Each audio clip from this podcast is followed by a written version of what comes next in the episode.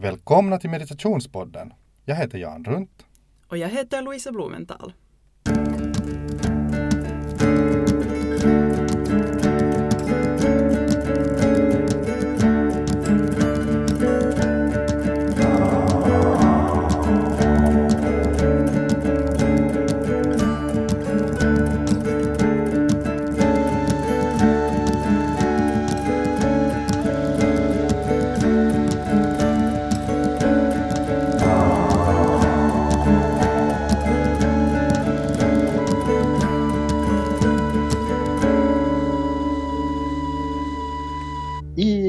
Idag i det här avsnittet så tänkte vi faktiskt fundera lite, vad skulle ni säga så här löst eller lite öppet kring en fråga som egentligen blir lite aktuell just nu när vi bandar. Nu kan det ju hända att du som hörde avsnittet hörde om, ja, vem vet, något år till och med, flera år.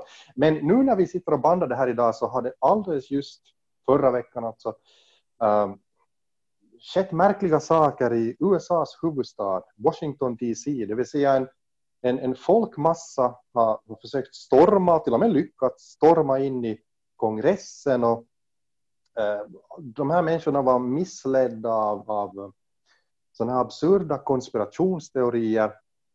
Mm. Ja, det förde tankarna till det att, att vi kunde lite prata om det att hur kommer det sig att när man går utanför man skulle säga den klassiska vetenskapen, den, den, den så här mm, etablerade västerländska kunskapens område. Som man gör när man till exempel då går in i yogans filosofier och tantra och så där. Varför finns det ändå den här risken sen att, att, att man faller in i, i humbug? Att man blir föremål för, för ja, vad ska vi kalla det? Mm, falska profeter. Ja, jag vet inte, vad kan vi säga om det här? Alltså, jag kunde ännu kanske lägga till grund för det här att, att äh, i fin Finland, var vi nu då bandar in den här podden, det kan ju hända att du som hör på den inte är i Finland, men i Finland så, så faktiskt för någon vecka sedan så äh, kom det ut en nätsida där yogalärare och äh, ja, yogaföretagare av olika slag hade skrivit under ett upprop som då gick ut på det att det var yogalärare som vill visa att de är emot den här Quanon-rörelsen. Den då konspirationsteoretiska rörelsen som, som bland annat har utropat Donald Trump vid det här laget när du hörde så, så för detta president eh, till någon sorts messias och, och, det här måste de göra eftersom det alltså i yogakretsar hade spridits väldigt mycket av sådana här konspirationsteorier. Så nu ställer jag frågan till dig Louisa. Har du någon som helst aning om hur det här kan vara möjligt?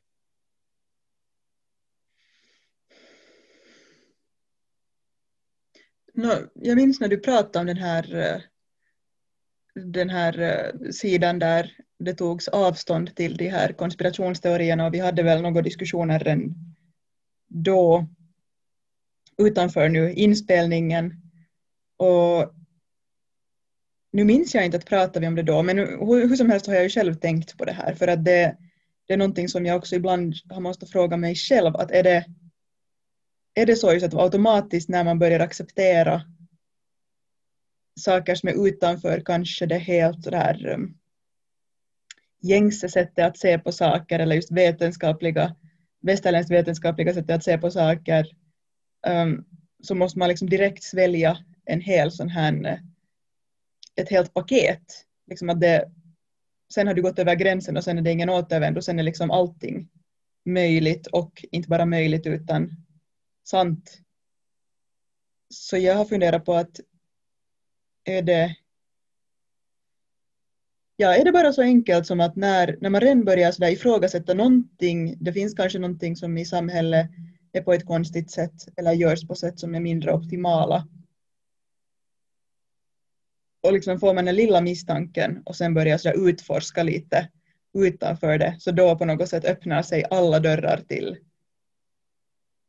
alla världens saker och sen är det svårt på något sätt att urskilja. Och jag säger ju inte här nu från det perspektivet jag skulle ha koll, utan det är just därför jag har måste ifrågasätta själv också ibland vad jag, vad jag tror på och vad jag dras till och varför, vad är mina motiv till att vilja tro på vissa saker. Mm. Har du upplevt att du har fallit för något? Jag menar, nu tänker jag inte på senaste tiders så här konspirationer, men, men har, har, du någonsin haft en känsla under din så här tid inom i vandringen genom yoga och vandringen i tantra att du har märkt att okej, okay, men det här, det här kanske du inte skulle skriva under. Att det här tycker du är lite sådär, ja, flum, humbug. Men det första du frågade var ju att har du någonsin märkt att du har fallit för något? Och mm. det är ju kanske en svår fråga sådär att svara på förrän i efterhand om man liksom har fått motsatsen bevisad och liksom mm. våga tro i så fall på motsatsen för det är ju kanske också en, en del i det. Mm. Men absolut har jag, jag har varit jätte uh, öppen och jag har varit jättevillig att hitta saker som inte bara är liksom, vad ska vi säga, materia och tråkig vardag. Alltså jag har ju sökt de här, de här sakerna som skulle vara lite mer så här uh, upplivande och göra liksom verkligheten till en lite mer spännande plats. Och det är klart man kan hitta alla möjliga märkligheter då. Och inte vet jag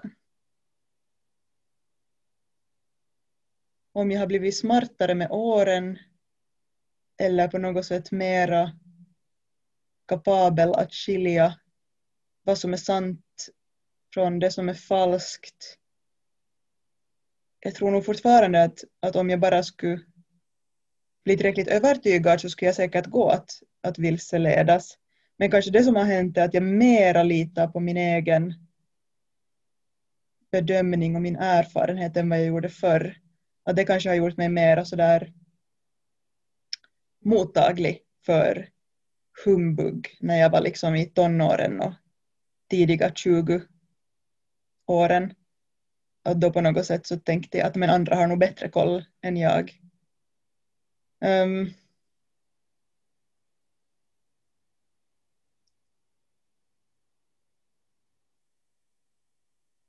Ja, det, det, är en jättesvår fråga för hur ska man veta? Hur ska man veta vad som är sant och vad som inte är sant?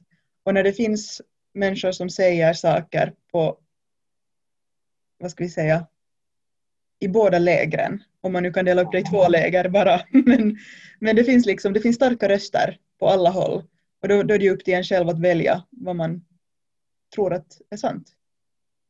Mm. Vad, vad tänker du själv om saken? Vad, hur, hur navigerar du det här? Ja, det där, nej, faktiskt det lustiga är att när jag tänker själv på just samma sak, att finns det, finns det någonting som jag vet att jag i tiderna då har hoppat på väldigt starkt och sen efteråt har, har tänkt att, eller liksom sen märkt att, att nej, där, där har jag nog, där har, liksom, där har jag gått på, på någonting som jag sist och slutligen kommit fram till att no, det, här, det här kanske var någon form av, av ändå så här sagor och, och, och, fantasier. Så, så det lustiga är att min sådär bana genom yogans land så, så kanske ändå starta med en så jättestark skepsis mm. mot allt som på något vis skulle vara så här lite jag kommer bara på det engelska ordet, så här other, otherworldly, så här liksom ja, lite metafysiskt, lite sådär andligt och spirituellt och sånt här. Så, så det där, så jag har väl sen blivit mera med tiden och genom att ha haft oväntade upplevelser som då har talat emot en, en, en ganska sådär supermateriell, alltså inte materialistisk men så här liksom jättetypiskt västerländsk materiell syn på, på det där världen. Så ja, så genom egna upplevelser har det blivit så att okej, okay, men wow, det här passar inte in i det så nu kanske jag måste acceptera att det här som man har pratat om så jag först har tänkt att okej, okay, må det, man kan hålla på och prata sådana här flum, jag är inte så jätteintresserad men, men så har jag varit sådär, nej, ja, kanske, det, kanske det finns någonting där, kanske det finns någonting där. Så det där, så jag vet inte, jag, jag, jag försöker just tänka att är det någonting sen sånt som har varit sådär att, att, att, att jag har fått någon gång den här känslan av att ah, okej, okay, men det här, det här var nu sen sist och slutligen. Mm. Kanske inte direkt så, men kanske mera som så att, att jag har upplevt att jag nog har kunnat äh, acceptera på sätt och vis då falska profeter. Det här var någonting som, som ju då ingick i vårt eh, ämne för, om vi går ett avsnitt tillbaka, alltså när vi pratade om det här med att välja lärare. Eh, och, och vi också pratade lite om det här att hur ska man då veta att en person alltså har en, har en bra tradition, har bra tekniker. Och sen också att den är ärlig och har rent mjöl i påsen. Så där kanske jag upplever att, att det har hänt mig att jag har, jag har påträffat människor som, som jag kanske har fått en mer alltså positiv bild av att det här är en person som verkligen har inte så att den kanske har blivit en ledargestalt för mig, men kanske så att jag ändå har upplevt att den har bra filosofier och den, den lär ut intressanta saker. Och sen har jag insett att okej, okay, att det här var en person som faktiskt inte hade rent mjöl i påsen. Mm, så kanske mera på det viset, att jag inte kanske på det sättet tänker att jag har fallit för något sådana här exakta just teorier och sånt som jag sen har blivit jättebesviken på. Men, men det där att jag nog har sett från sidan, kanske främst personer som har misslett människor ganska kraftigt med sina sådär egna, egna läror. Och mm. det där. Och lustigt nog alltså faktiskt. Uh, det här var alltså en, en händelse nu. Ja, nu, nu blir det svårt för att jag på något vis vill då inte nämna några exakta namn. Men just när jag tänker på det här som, som jag beskrev just. Det vill säga att, att lite från sidan. Inte kanske uppleva att man själv är en lärjunge till en person, men se en person som samlar omkring sig människor lite i en sorts så här lärjungeaktigt förhållande. Och sen upptäcka att, att den här personen så har verkligen inte rent, rent mjöl i påsen. Så, så det var alltså en upplevelse som jag inte hade för så hemskt länge sedan. Det var faktiskt här för ett år sedan, lite drygt, som jag som jag då lärde känna. En person som på det här viset samlade omkring sig människor som, som hade lite en sån här lärjungeaktig status gentemot mot den här mannen kan jag väl nog säga, men jag ska inte säga allt för mycket som identifierar. Men det som jag tycker att var, var ganska uh, skrämmande att se att efter att då uh, det var faktiskt då så att det var en av, en av hans lärjungar eller adepter som eh, som sen avslöjat alla andra att den här personen hade väldigt vill säga, egoistiska avsikter sist och slutligen. Att han var, han var faktiskt en sån här riktigt falsk profet kan man säga. Att han, han var nog ute för att, att egentligen då gagna själv mest av det här förhållandet lärare-elev. Eh, så det var alltså då en person som, som kunde avslöja det genom att han då kunde visa på sådana här olika intentioner som den personen hade som inte alls var, inte alls var positiva och bra. Och det gjorde att, liksom, att, att egentligen den här kretsen kring den här mannen så, så skingrades helt och hållet. Men det som jag har tyckt efteråt har varit ganska, ja, så här, tråkigt att se att faktiskt då en av den här personen som var den som spräckte hela den här grejen så, så den personen sen igen, sen igen så föll in i faktiskt den här Quanon, vad vi nu ska kalla det, man kan inte kanske kalla det en rörelse, men han föll in i hela det här liksom Quanon uh, universumet av, av märkliga konspirationsteorier. Och det där, ja. Men är det inte just så där att um, och nu nu igen eftersom jag har varit med i många sådana här grupper som har um, som har varierat från att vara väldigt vad ska jag säga, harmlösa till att vara potentiellt väldigt skadliga, um, mer eller mindre aktivt varit med i dem, men liksom ändå så att jag har kunnat observera, så kan jag väl säga just av egen erfarenhet, är det inte så just att om man har en tendens att liksom, och du då inte hade från början men så småningom har närmat dig ett öppet förhållningssätt till saker och jag kanske har gått mot det mer kritiska hållet över åren. Um, men att har man en tendens att vara öppen så då är det lättare just att man fast någon då ehm, um, bubbla spricker så sen liksom fortfarande har man ju kvar om inte man mister tron totalt på allting och blir liksom jätteskeptisk mot allt. Men vilket väl också kan hända. Men då är det mer sannolikt att man kan liksom då bara flytta över sin då, um, intensitet och öppenhet till någonting annat. Vilket då i det här fallet verkar ha varit så. Liksom att man behöver något system som kan visa varför saker är som de är och som kan förklara för en varför världen är ond eller varför det händer jobbiga saker i ens liv.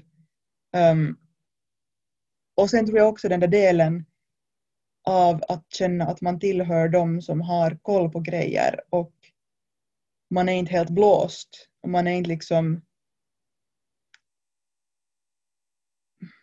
som resten utan man är lite speciell är jätte också tilldragande.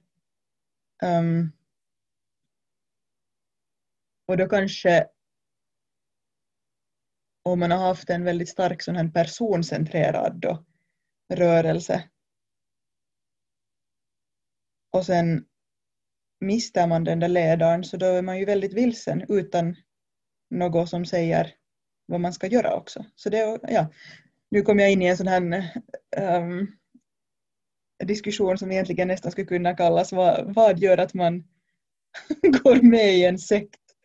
Men, uh, men det är ju relaterat. Alltså, sekter är ju slutna grupper så jag menar det, ja, det finns ja. alla möjliga sorter. Ja, och jag liksom, faktiskt när du säger, när, nu när du säger det så slår det mig att, att, att, att dels så, så finns det ju just det här att, att kanske någon helt medvetet och helt, ja, med helt liksom klar intention går ut för att försöka skapa en sekt kring sig. Och därför skapa någon mytologi, någon, någon förklaring till varför det är jättebra och jätteviktigt att ty sig till just den här personen. Och, det där, och då kanske den här personen använder sig av vad ska vi nu säga, det, liksom, det kanske förklarar en del när det kan hända att, att yoga och liknande discipliner blir sådär inblandade i, humbug. Därför för att då kanske man tar till sig någonting sånt som yoga om man har tänkt, alltså nu tänker jag kanske sådär yoga inte då att göra asanas, men liksom i så här bredare perspektiv, man kanske tar till sig av österländsk visdom, österländsk filosofi, mm.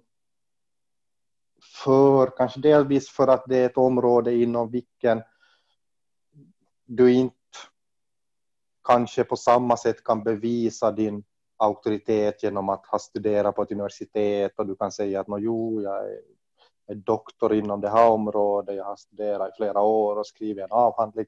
Eh, utan det, det, är lite så där att, att egentligen no, på sätt och vis vem som helst kan, om den bara täcks, om den bara har samvete för det, så kan den utropa sig själv till en expert inom det området. Och det är ganska, det är just det att det kan vara lite svårt för det är, så här, de, de helt vanliga människor som du inte har koll på, på så här, vad ska vi nu säga, a, a, a, tradition och, och, och auktoriteter, så klassiska auktoriteter, så kan det vara lite svårt att veta att no, men är det sant den här personen säger att den är expert eller inte inom det här området. Så det kanske gör att du får liksom redan via det så får du en viss auktoritet för du kan utropa dig själv. Du kan påstå att du är expert på det här för att, för att någonting. Du kan säga att jag har lärt mig det här, jag har varit många år i Indien och det är så att ingen vet. Har du varit? Du kan ha varit, men du kan ha varit du kan ha hängt på en strand i Goa. Liksom. Men ändå, och det betyder att du kan lyfta upp det med hjälp av det här och sen så kan du addera en massa extra krimskrams som mestadels går ut på det att det här är förklaringen sen till varför du ska hänga med just den här personen och kanske då gå med på massor med grejer som du inte annars skulle gå med på. För att det är egentligen det som det är egentligen det som den här ledaren är ute efter. Den är egentligen ute efter att eh, få saker av dig med hjälp av allt det här. Och faktiskt, alltså det här exemplet som jag tidigare pratade om, det här som jag såg lite så där halvt från sidan, alltså det vill säga jag var inte då en lärjunge till den här mannen, men jag lärde känna de här människorna och såg dem mera som så här vänner. Och förstod inte då att den här typen faktiskt då hade sådär ganska, ja, ja, att han helt enkelt inte hade alls rent mjöl i påsen. Och hur som helst, eh, uh, anyway, så den här saken som jag såg liksom lite från sidan, så där faktiskt så, så var det ett drag hos det hela. Så var det att den här mannen, eftersom det var en man i det här fallet, och det kan vi förstås fundera på, att är det liksom lite typiskt att det är män? Hur ofta är det sådana här kultskapare som är kvinnor? Nåja, det kan ju ha att göra med klassiska könsroller, att det bara är mera män som på något vis är klassiskt benägna att ge sig in på sådana här projekt, men inte vet jag, nu kanske det kan handla om andra saker också. Men det där, men alltså han faktiskt, han då uh, utgav sig för att ha en viss auktoritet inom eh, transcendental meditation. Vad heter det? Och det kan ju bra hända att han har lärt sig transcendental meditation. Men eh, han sa att han skulle ha rätt att ge den här rotmantran och det är så där att nej, för att transcendental meditation är ju en ganska hård businessmodell och du ska liksom ha betalat för att uppnå en viss licens och bla bla bla. bla. Helt garanterat han inte har gjort det. Men ja, det här var nu bara... Men det, det är nu igen just det där att, att som ja. du säger, och det, det pratar vi om jättemycket där i avsnitt åtta, just det där att hur i dagens värld, hur ska man liksom kunna lita på att någon har den auktoriteten den säger sig ha? Det är ju just det. Mm. Mm. Ja. Men sen alltså tänker jag att liksom, sen finns det andra, ett, en annan sida av myntet och, och, och, det är när liksom den här liksom den, det här humbuggen, när det här konspirationsteori och så vidare, alltså liksom när det börjar leva sitt helt eget liv, att det är inte uttryckligen en person som vill skapa någon krets kring sig, utan det börjar bara liksom någon påstår någonting och så börjar det här cirkulera. Och särskilt när det gäller den här då Quanon-rörelsen. Och igen, det kan ju hända att du hör på det här några år och det här ordet har passerat in i historiens på något vis bakrum och det hoppas vi. Eh, men alltså just en sån här sammelsurium, sammelsurium av konspirationsteorier som, som nu inte uttryckligen har någon så här överstepräst, förutom att den har utnämnt en, en då ganska random person, en president som inte tycks ha överhuvudtaget någon agenda som den här rörelsen påstår att han har. Eh, Men problemet är ju här att det är just att hur, hur ska man bevisa det? Det mm. finns ju liksom, det finns ju, okej okay, det finns inga bevis för de här um, påståendena, men hur ska man bevisa mot det? Alltså liksom, det är väl det som just matar de här grejerna när det finns människor som gärna vill ha någonting lite sådär rafflande att tro på. Så, men har du några bevis mot det? Har du någonting som eh, du kan övertyga mig om att det inte skulle vara så här? Ja, ja. Och det där eh, och det, ja, så det kanske, jag vet inte, kanske det är just det som är mekanismen som gör att de kan sen leva ett så långt och, och, och, och livskraftigt sådär liv. Uh, Rörelserna? Men, ja, alltså nu tänker jag just, just på sådana här liksom helt weird teorier som snurrar runt.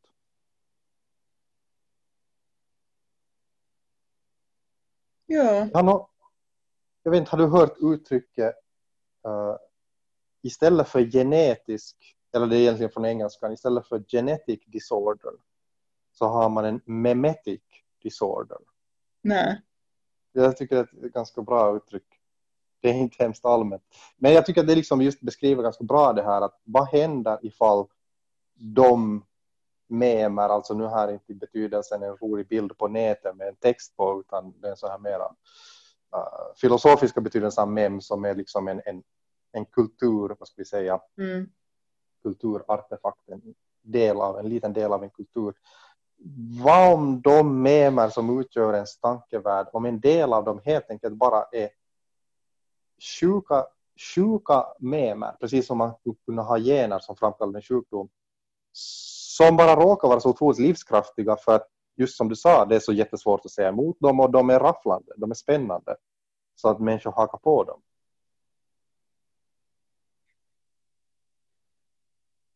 Vad är, liksom, vad är boten? För det har jag liksom faktiskt tänkt på nu här när det har varit det här. Man har, äh, ja, dels har jag liksom följt från sidan då med en person som, som jag verkligen inte skulle ha önskat efter den här, då hans jättedåliga upplevelse med den där ja, jag kallar nog honom för den, den falska profeten, som jag tycker att det är ganska passande, passande ord. Um, jag skulle inte till exempel alls önska att den här personen att han efter att då ha kommit loss från den här falska läraren, att han då skulle falla in i den här märkliga förvrängda tankevärlden.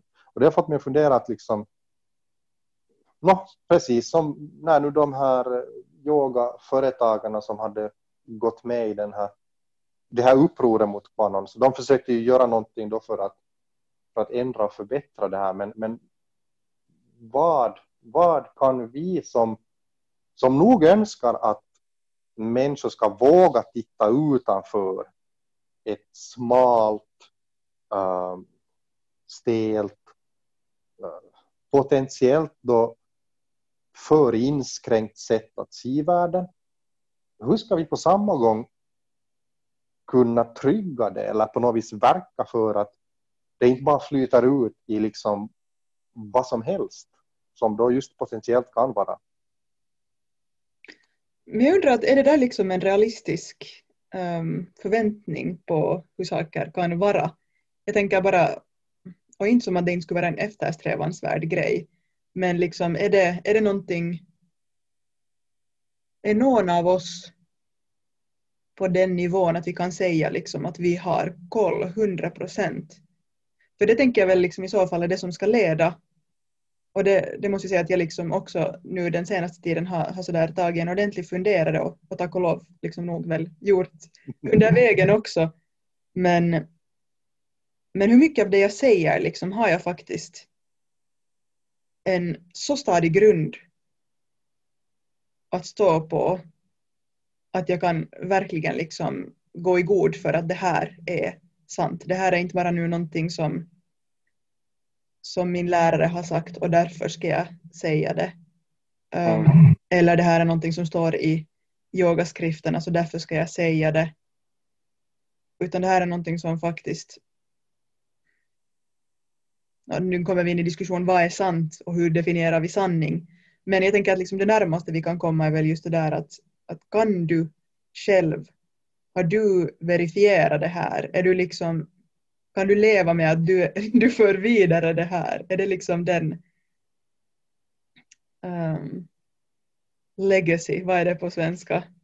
Det är på något vis arv eller? Det låter jättepompöst. Ja.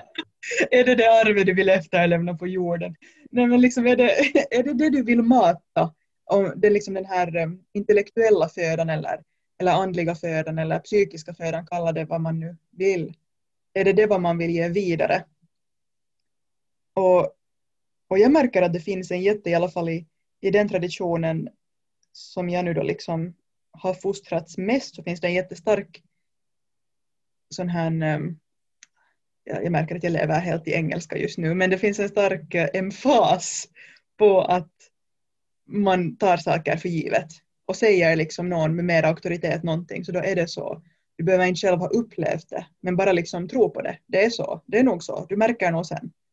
Och det må vara så. Fortfarande, alltså det, det finns få saker som jag inte skulle ha sådär sen så småningom upptäckt om jag bara har gett det tid.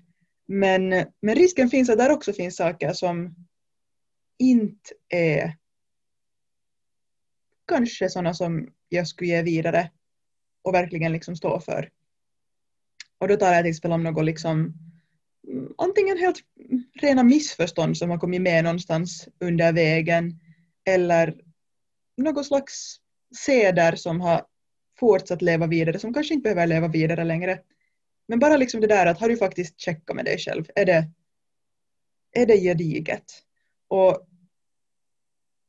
just att komma bort från det där att man vill vara den med de mest intressanta um, lektionerna på det planet att liksom man har någonting helt jättespektakulärt att komma med eller liksom föra in människor i någon slags tanke av just att de inte själv kan lita på sina kapacit mentala liksom, psykiska kapaciteter. Ehm, men igen, det här, är, det här är jättesvåra områden därför att det krävs en viss mängd av tillit och en viss mängd av att kasta ut sig i det okända. För annars får du ingenting. Det är liksom, ja. Mm. Ja, absolut. Jag menar, vi, vi pratade om det här någon gång så utanför bandningen att, att vi har märkt på oss att, att vi har blivit kanske under den här podcastens gång så har vi så har det hänt sig att vi har blivit lite försiktigare med att säga skarpt så här är det, det är så här. Och, och det där om vi funderar faktiskt väl att, att, att, kan det ha någonting att göra med ja, alltså helt den här liksom nutiden vi lever i. Att, att, åtminstone så, så vet jag att jag, jag funderar att kan det vara något att man börjar bli, man börjar helt enkelt bli lite rädd för att okay, man vill inte liksom riktigt låta som, som sådana här profeter på Youtube som, som berättar att så här är sanningen och tro mig bara, du, du ska inte tänka på något sätt. Att hellre vill man då vara så där att okej, okay, men så här kan det vara kanske. Och, och du jag kan kastar nu ut det här, du kan experimentera med det. ja, och det där. Så att liksom man, man, själv blir just så där att ah, okej, okay, nu, nu, nu ska vi lite ta ett steg här tillbaka från att bara spika fast sanningen. Men jag menar, mm, och, och, ja, jag menar precis som du säger, det finns ju helt klart, som vi pratade om i, i, i avsnittet om Gunas, jag tror att det var sjätte avsnittet. Så där nämnde vi ju det att, att socker har då räknats till det, vad heter, de ämnen som, eller mat, vad skulle ni säga, matvaror, som för fram då den här vi nu kallar det för bästa gunnan, den här harmoniska, den här eftersträvansvärda, den som då är, är den bästa grunden för ett harmoniskt sinne. Eh, det vill säga den sattviska gunnan. Och, och, och det här måste man ju sätta i sin kontext. Och precis, jag tror du till och med sa det då när vi bandade, att, att det här hänger förstås ihop med det att socker har varit någonting väldigt uh, sällsynt, eller det har varit någonting man väldigt sällan äter. Så kanske de gånger får man har ätit någonting litet sockrigt, så har man bara fått en känsla av att kanske att åh, det här kändes som att det var bra med energi det här och jag kunde tänka klarare för att jag fick bra med energi. Och det är, liksom, det är otroligt långt från hur vi idag bara liksom måste undvika att inte ösa i oss en massa socker via olika matvaror som vi inte skulle ha tänkt att de skulle ha stoppat med. Så det är, liksom, det är just det här, man måste sätta det i den kontexten någon gång har varit, att vad hade kanske någon gång betytt det här? Att, mm. att det där. Och någonting som jag vet att vi någon gång har haft lite diskussioner om och som vi kanske kan återkomma till, men du brukar ofta poängtera den här vikten av att ha en tidig väckning. Men då ska komma ihåg att det har ju också att göra med att ha en tidig sängdags. Att det är inte liksom att, ja, man sitter inte och tittar på Netflix till halv tolv om du ska stiga upp sen någonstans. Plus att vi bor inte vid ekvatorn, alltså det är också ett faktum. Jag har blivit plågsamt medveten om den här vintern. Att mm. det är mörkt. Det är mörkt väldigt länge under dygnet och soluppgången är liksom klockan nio och då om man ska stiga upp och meditera klockan fem så känns det jättenaturvidrigt. Alltså det, det är bara så. Mm. Men, ja, och där tänker jag att, jag vet inte, att kan man nu säga att med, med erfarenheten så det är ju så här, så här som till exempel då vår tradition tantra har utvecklats. Alltså, tantra har ju ändå alltid uh, satt väldigt stor vikt vid utövarens erfarenhet. Mm. Och där tänker jag mig bara att, att uh, man måste kanske vara beredd att, att ta sin egen erfarenhet, jag menar nu tänker jag då som lärare, att man, man tar sin egen erfarenhet i beaktande och ser att vad är det man vill lära vidare för att man faktiskt tycker att okej, okay, det här det, det lät sunt. Och var det så att man inflikar att ja, men hur jag själv, jag har själv tänkt på det här viset. Mm. Och de här mera, och också de här mera crazyga sakerna. Så de kan man då eventuellt kanske lära ut som att det här är kanske lite mer sådär.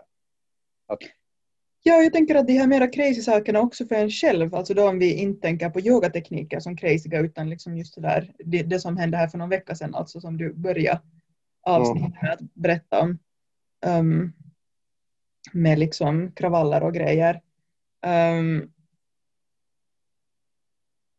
så att om, om man väljer att luta tillbaka på en luta sig tillbaka på en tradition eller på vad någon annan säger så då tar man ju inte på sätt och vis det yttersta ansvaret även om man såklart sen måste stå för det valet. Men, men det är på något sätt då har man det att luta på. Medan däremot om man sen börjar freestyla väldigt mycket och vare sig det handlar om sin egen praxis eller i sin undervisning börjar blanda in en massa saker så då måste man ju bara vara liksom helt på det klara med att det här är nu det här är liksom dina grejer, det här är det du nu står för. Och jag vet nu inte om man ska jämföra liksom att det här då eh, uh, mainstream-median och då den västerländska uh, medicinen och liksom vetenskapen, står det då för den här liksom traditionen i, i vår kultur för tillfället um, som folk liksom antingen då väljer att luta sig tillbaka på eller ta avstånd från.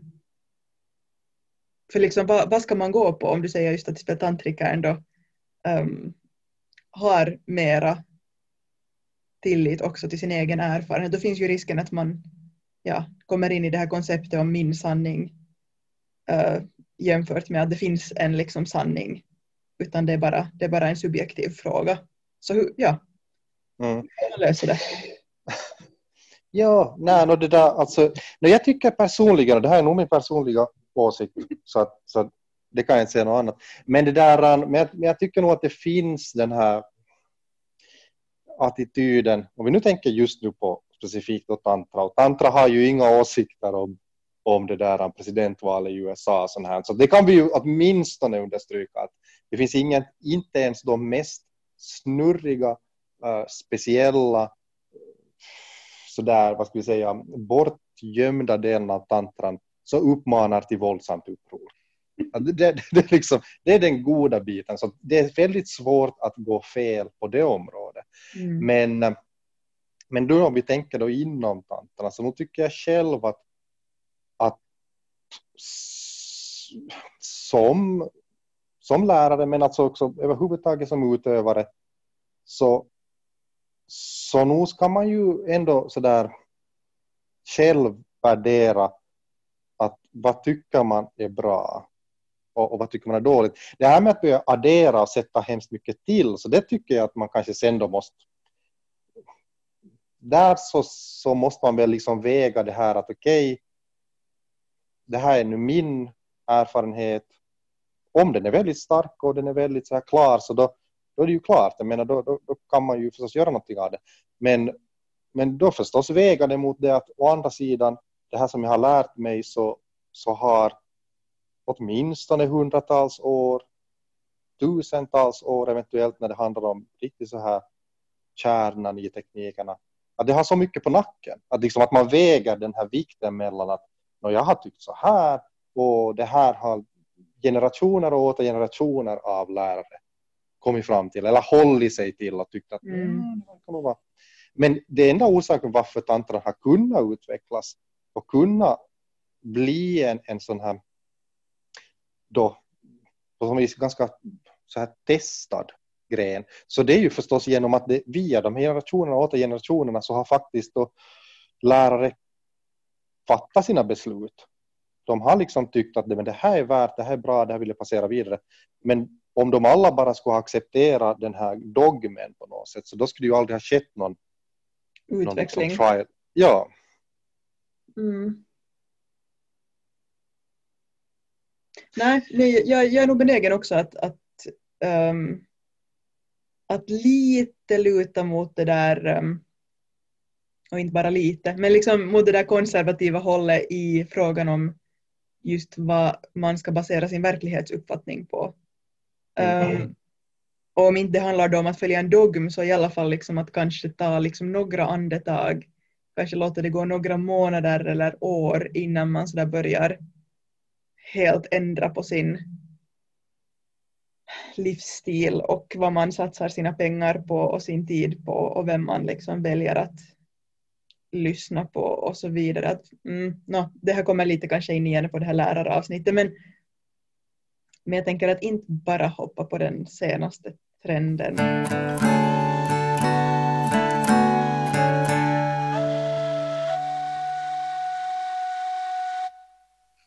Det, det, är väl lite så att, att det som lockar då Quanon-anhängarna så är det här att det finns ingenting som är lika häftigt och lika så här uh, extremsportsaktigt eller adrenalin på något vis uh, uh, frammanande inom vanlig politik som det att du far och stormar in i ett kongresshus.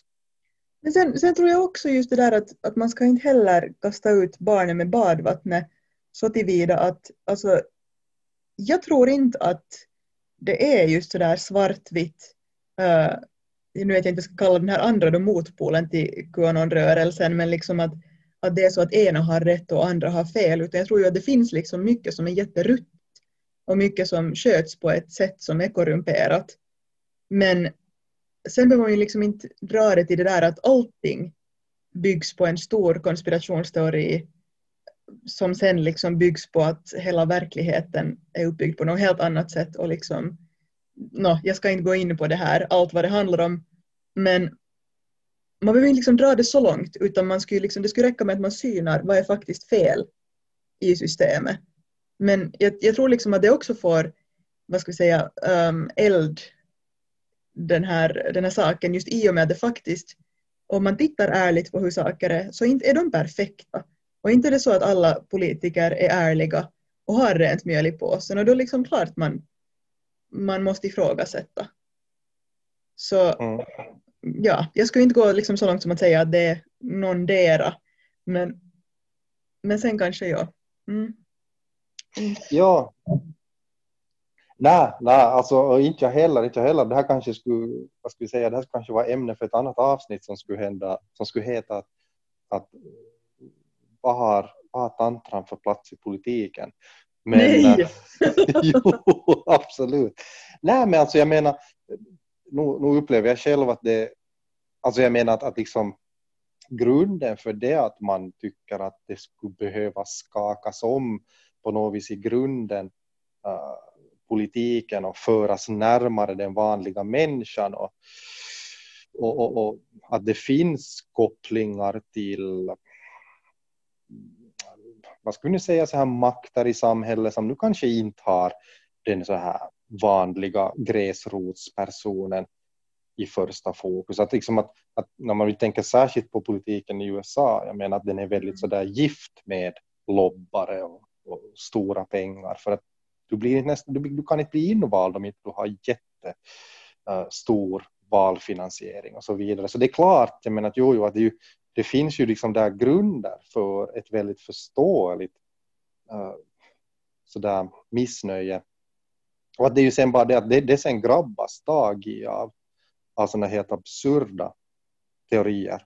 Så ju, alltså det är ju jättesynd. Det är ju, jag menar, nu, nu förstås, nu fanns det ju när man nu har man har ju sett de här nyheterna vid det här laget, kanske som vi hörde här, kanske de är jättegamla, men hur som helst, jag menar att visst så, så fanns det säkert många som var där då, storma in i den här kongressbyggnaden som, som var ganska trevliga typer som kom dit med vapen och liknande.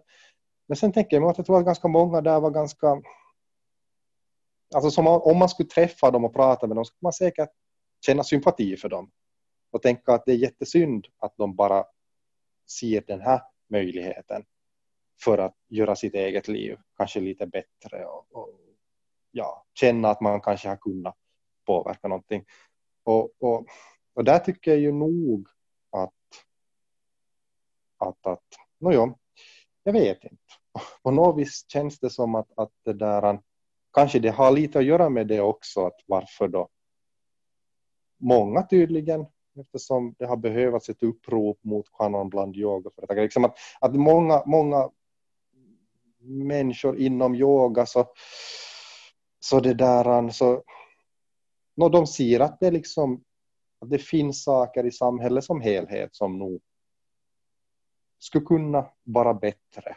Och det är kanske en sak som helt hänger ihop med att, att vara yogi. Jag menar om man nu bara tänker att som vi har pratat tidigare om det att, att det att man börjar med yoga och meditation så kan göra att man börjar plötsligt inse att man får en mycket starkare känsla för att vad olika saker i ens omgivning, hur de påverkar en. Då kan man kanske märka att sådana saker som har varit tidigare helt självklara och som ingår jättestarkt i vår kultur och, och, och, och sådär, att de egentligen gör en ganska illa, det vill säga att de inte alls får en att må bra. Så det är klart att nu kan ju, nu kan ju det där en, en vad ska vi säga, en, en ingång till att börja ifrågasätta samhälle eller hur det är för tillfället organiserat. Så en ingång till det så kan ju också faktiskt vara yogan. För man märker att livet skulle kunna vara annorlunda arrangerat. Mm. Vad än man vaknar upp och börjar inse, eller om det är så att man får tankar om att, om att det också är saker då utanför yogan som, som det där man vill ta till sig, som är lite annorlunda än, än, än, än vad ska man säga, mainstreamen upplever att det är sant så kanske det viktigaste ändå är det att man tar allt med en viss så här sund nypa salt. Mm. att man inte åtminstone, ska vi säga, att man alltid åtminstone, vad än man får för, för tankar och teorier, så kanske det ändå är så att den bästa vägen att, att komma vidare med det så, är ändå att hålla sig till ahimsa. Ja. Och kanske att, att, uh, att tala i silver och tiga i guld. Att inte liksom, att inte i alla fall sprida det man precis har blivit sådär um, utsatt för innan man kanske själv då har kvalitetstestat det. Ja, och det där kanske kräver en viss så här inte vet jag ödmjukhet, men jag vet inte att det är ett fenomen för vår tid att, att det är hemskt lätt att utnämna sig själv till expert och till lärare och kanske man borde vänta lite. Att jag menar, även om man tycker att det här är intressant så kanske man kan tänka lite längre tid. Att, men då fortsätter jag att ta till mig och fundera på det och testa det på verkligheten. Men man ja. måste inte genast utropa sig till, till där. No det, det skulle verkligen, tror jag, alla må bra av. Underskriven också. ja, vi som nu här tänker oss att kanske vi ändå har någonting att berätta som det är värt att höra på i den här podcasten. Ja. Så länge som man nu också tar oss med en nypa salt. ja. Och med dessa ord så kanske vi tackar för det här lite, ja, kanske lite sådär flummiga avsnittet men ändå. Också en tanke kring vad är yoga och tantra i förhållande till allt det andra. Ja. Allt det andra. Ja, ja men tack för idag. Tack för idag. Hej då. Hey